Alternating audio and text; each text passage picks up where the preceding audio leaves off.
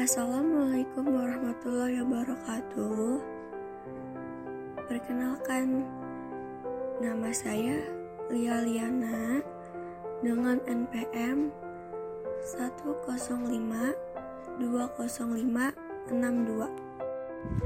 Manusia adalah makhluk sosial yang diciptakan Allah dan diberi akal budi. Setiap manusia memiliki cita-cita mencapai cita-cita, manusia akan dihadapkan oleh dua energi, yaitu energi positif dan energi negatif. Energi ini dapat muncul dari dua kondisi, yaitu dari diri sendiri dan lingkungan. Jika manusia didominasi oleh energi positif, ia akan dikuatkan untuk mencapai cita-citanya. Contohnya, jika ia dalam kondisi down, ia akan segera pulih dengan sendirinya karena ia akan selalu ingat tentang acuan dalam hidupnya atau cita-cita. Namun, akan sebaliknya, jika manusia didominasi oleh energi negatif, ia akan terhanyut ke dalam rasa malas, mudah menyerah, dan pesimis, sehingga peluang untuk meraih cita-cita itu tidak ada. Hal itu berhubungan dengan suatu negara. Negara juga memiliki cita-cita yang harus dicapai. Cita-cita Indonesia tercantum di alinea kedua, yaitu negara Indonesia yang merdeka, bersatu, berdaulat, adil, dan makmur. Cita-cita Indonesia terdengar sederhana, namun sangat berarti. Dalam mewujudkan cita-cita, negara juga dihadang oleh dua energi, yaitu energi positif dan energi negatif. Energi bisa muncul dari dua situasi kondisi, yaitu dalam negeri dan luar negeri. Energi positif disebut dengan daya dan upaya penguatan pembangunan suatu bangsa dalam rangka mencapai cita-cita dan tujuan nasionalnya. Sedangkan energi negatif cenderung untuk menghambat dengan tujuan akhir melemahkan bahkan menghancurkan suatu bangsa. Energi negatif suatu bangsa dapat dihalangi oleh ketahanan nasional. Ketahanan nasional merupakan kemampuan kekuatan, ketangguhan, dan keuletan sebuah bangsa melemahkan dan atau menghancurkan setiap tantangan, ancaman, rintangan, dan gangguan. Sehingga diharapkan ketahanan nasional ini mampu menekan energi negatif untuk negara. Begitupun pada manusia lalu motivasi-motivasi untuk tercapainya suatu cita-cita. Motivasi memberi dorongan semangat untuk meraihnya dan menekan energi negatif. Wajah ketahanan nasional Indonesia yaitu Astagatra, tanah sebagai konsepsi atau doktrin, tanah sebagai kondisi, dan tanah sebagai strategi. Astagatra memiliki delapan unsur aspek kehidupan nasional, yaitu Trigatra atau aspek alamiah statis. Terdapat geografi, kependudukan, dan sumber kekayaan alam. Panca Gatra atau aspek sosial dinamis terdapat ideologi, politik, ekonomi, sosial budaya, dan pertahanan dan keamanan. Tanas sebagai konsepsi atau doktrin adalah Tanas digunakan untuk dapat menanggulangi segala bentuk dan macam ancaman yang ada. Dan Tanas sebagai pengatur penyelenggaraan keamanan dan kesejahteraan dalam kehidupan nasional. Tanas sebagai kondisi ialah ketahanan nasional dirumuskan sebagai kondisi yang dinamis. Sebab kondisi itu memang senantiasa berubah dalam arti dapat meningkat atau menurun. Tanah sebagai strategi ialah tanah sebagai pendekatan pemecahan masalah yang bersifat integral komprehensif menggunakan ajaran Astagatra. Tanas sebagai konsepsi atau doktrin di dalam negara dapat dihubungkan dengan sistem imun di dalam tubuh manusia. Mengapa?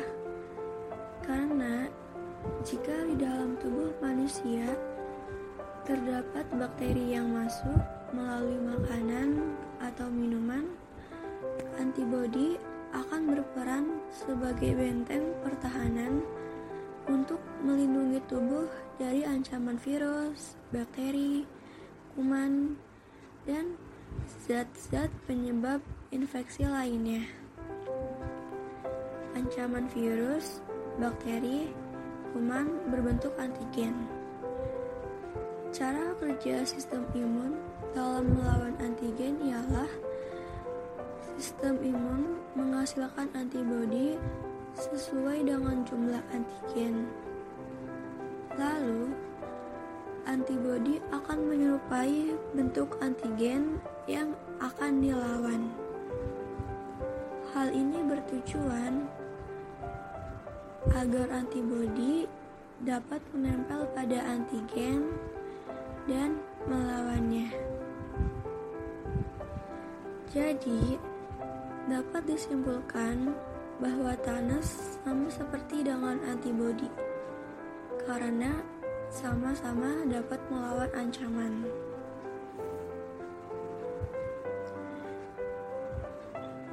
Thanos sebagai kondisi juga dapat dihubungkan dengan hipotalamus.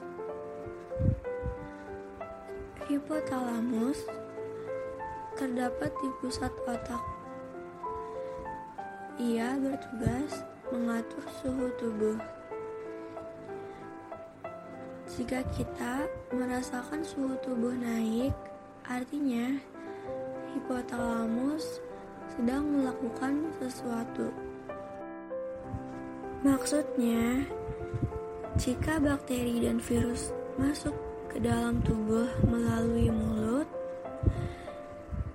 dan akan masuk ke dalam darah.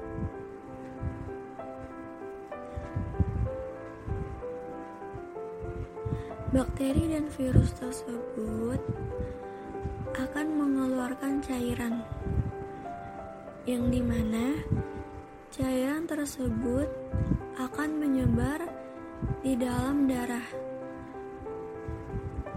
Hipotalamus akan langsung menaikkan suhu tubuh untuk membuat bakteri dan virus tidak nyaman dan akhirnya keluar. Suhu tubuh juga dapat berubah-ubah setiap harinya, sama dengan tanas sebagai kondisi yang sifatnya dinamis.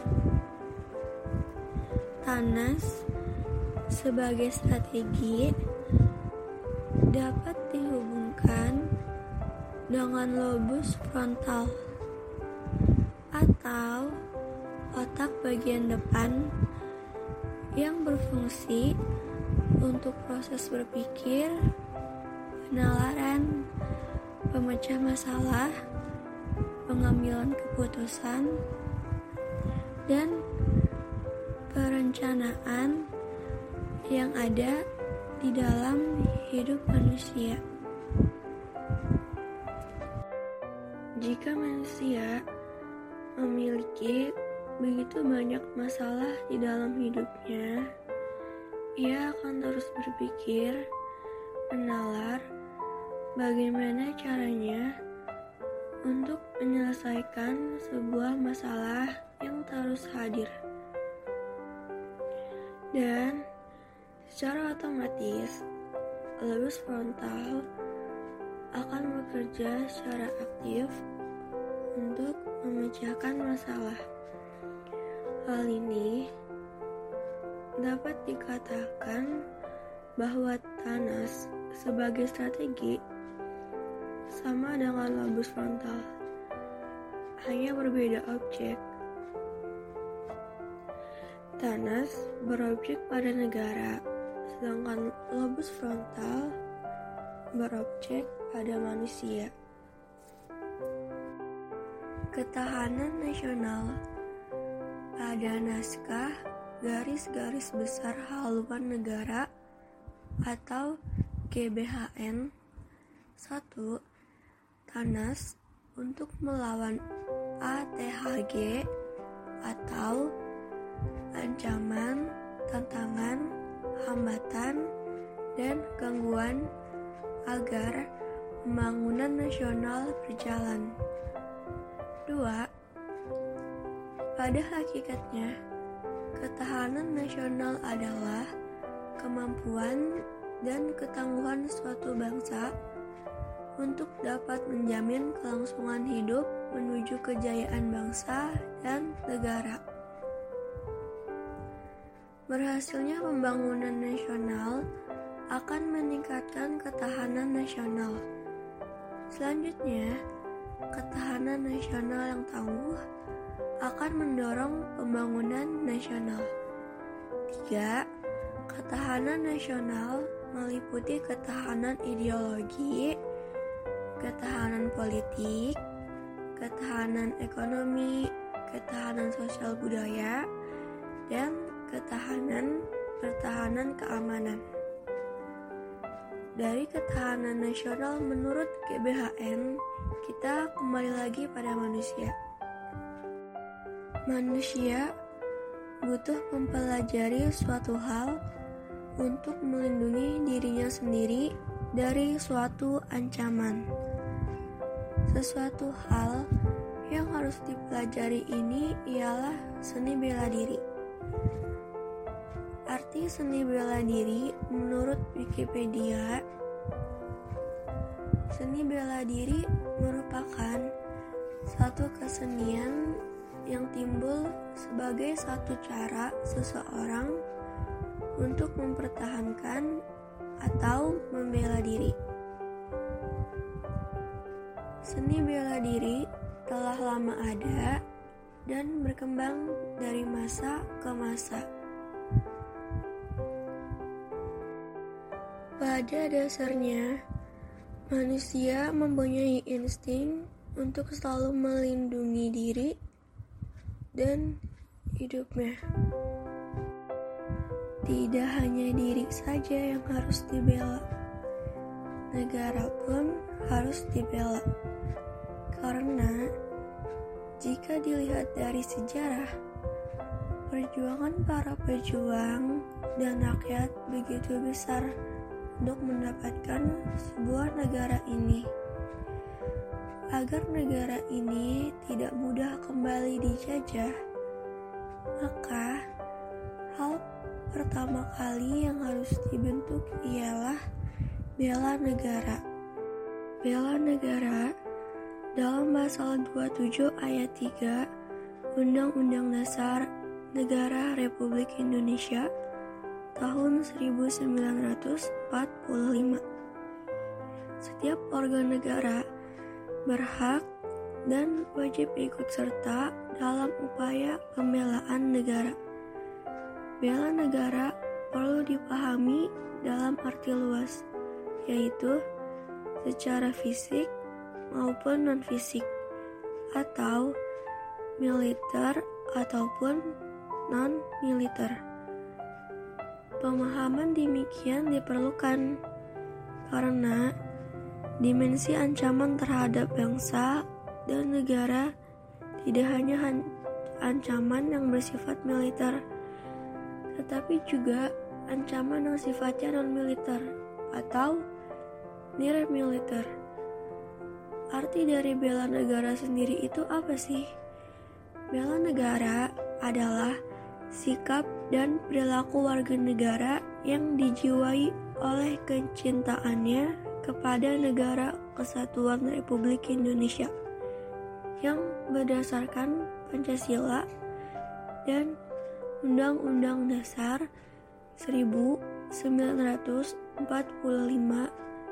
dalam menjalin kelangsungan hidup bangsa dan negara yang seutuhnya. Dilansir dari situs resmi Dewan Ketahanan Nasional Republik Indonesia, kesadaran bela negara secara hakikat berbakti pada negara dan kesediaan berkorban membela negara. Spektrum bela negara itu sangat luas, dari yang paling halus hingga yang paling keras, mulai dari hubungan baik sesama warga negara sampai bersama-sama menangkal ancaman nyata musuh bersenjata. Nilai-nilai yang dikembangkan dalam bela negara adalah cinta tanah air, kesadaran berbangsa, dan bernegara. Bela negara fisik yaitu dengan cara memanggul senjata menghadapi serangan atau agresi musuh. Bela negara secara fisik dilakukan untuk menghadapi ancaman dari luar. Pengertian ini dapat disamakan dengan bela negara dalam arti militer. Bela negara non-fisik segala upaya untuk mempertahankan negara kesatuan Republik Indonesia dengan cara meningkatkan kesadaran berbangsa dan bernegara, menanamkan kecintaan terhadap tanah air, serta berperan aktif dalam memajukan bangsa dan negara, termasuk penanggulangan ancaman. Bela negara demikian dapat dipersamakan dengan bela negara secara non-militer. Contoh dari bela negara non-fisik, seorang pelajar yang membela negaranya dengan cara meningkatkan prestasi dan ikut lomba internasional. Dengan begitu, nama Indonesia makin harum di kalangan mancanegara atau internasional. Mengenai beberapa perspektif alasan negara perlu dibela oleh warga negaranya, menurut sumber dari dosen jurusan ilmu politik Universitas Negeri Semarang Martin Herna Susanti yaitu pertama berdasarkan teori dan tujuan negara alasan ini sangat erat kaitannya dengan tujuan akhir negara yaitu untuk menciptakan kebahagiaan rakyatnya atau bonum publicum common good commonweal kedua berdasarkan pada pemikiran rasional. Aspek pertahanan merupakan faktor penting dalam menjamin kelangsungan hidup negara. Tanpa kemampuan mempertahankan diri, suatu negara tidak akan dapat mempertahankan keberadaan atau eksistensinya. Ketiga, kontrak sosial. Bangsa Indonesia memproklamirkan kemerdekaannya pada 17 Agustus 1945 bertekad bulat untuk mempertahankan, mempertahankan, dan menegakkan kemerdekaan serta kedaulatan negara berdasarkan Pancasila dan Undang-Undang Dasar 1945. Keempat, pertimbangan moral. Kemerdekaan adalah hak segala bangsa dan oleh sebab itu penjajahan di atas dunia harus dihapuskan karena tidak sesuai dengan pri kemanusiaan dan pri keadilan. Dengan demikian, manusia pun juga mempunyai alasan mengapa perlu belajar bela diri agar manusia tersebut dapat percaya diri, bertahan, membantu diri sendiri dalam menangani masalah bullying di sekolah, mengajarkan nilai dan prinsip penting, dan berproses menjadi dis disiplin serta bertanggung jawab. Demikian podcast dari saya. Selamat menjalankan aktivitas. Wassalamualaikum warahmatullahi wabarakatuh.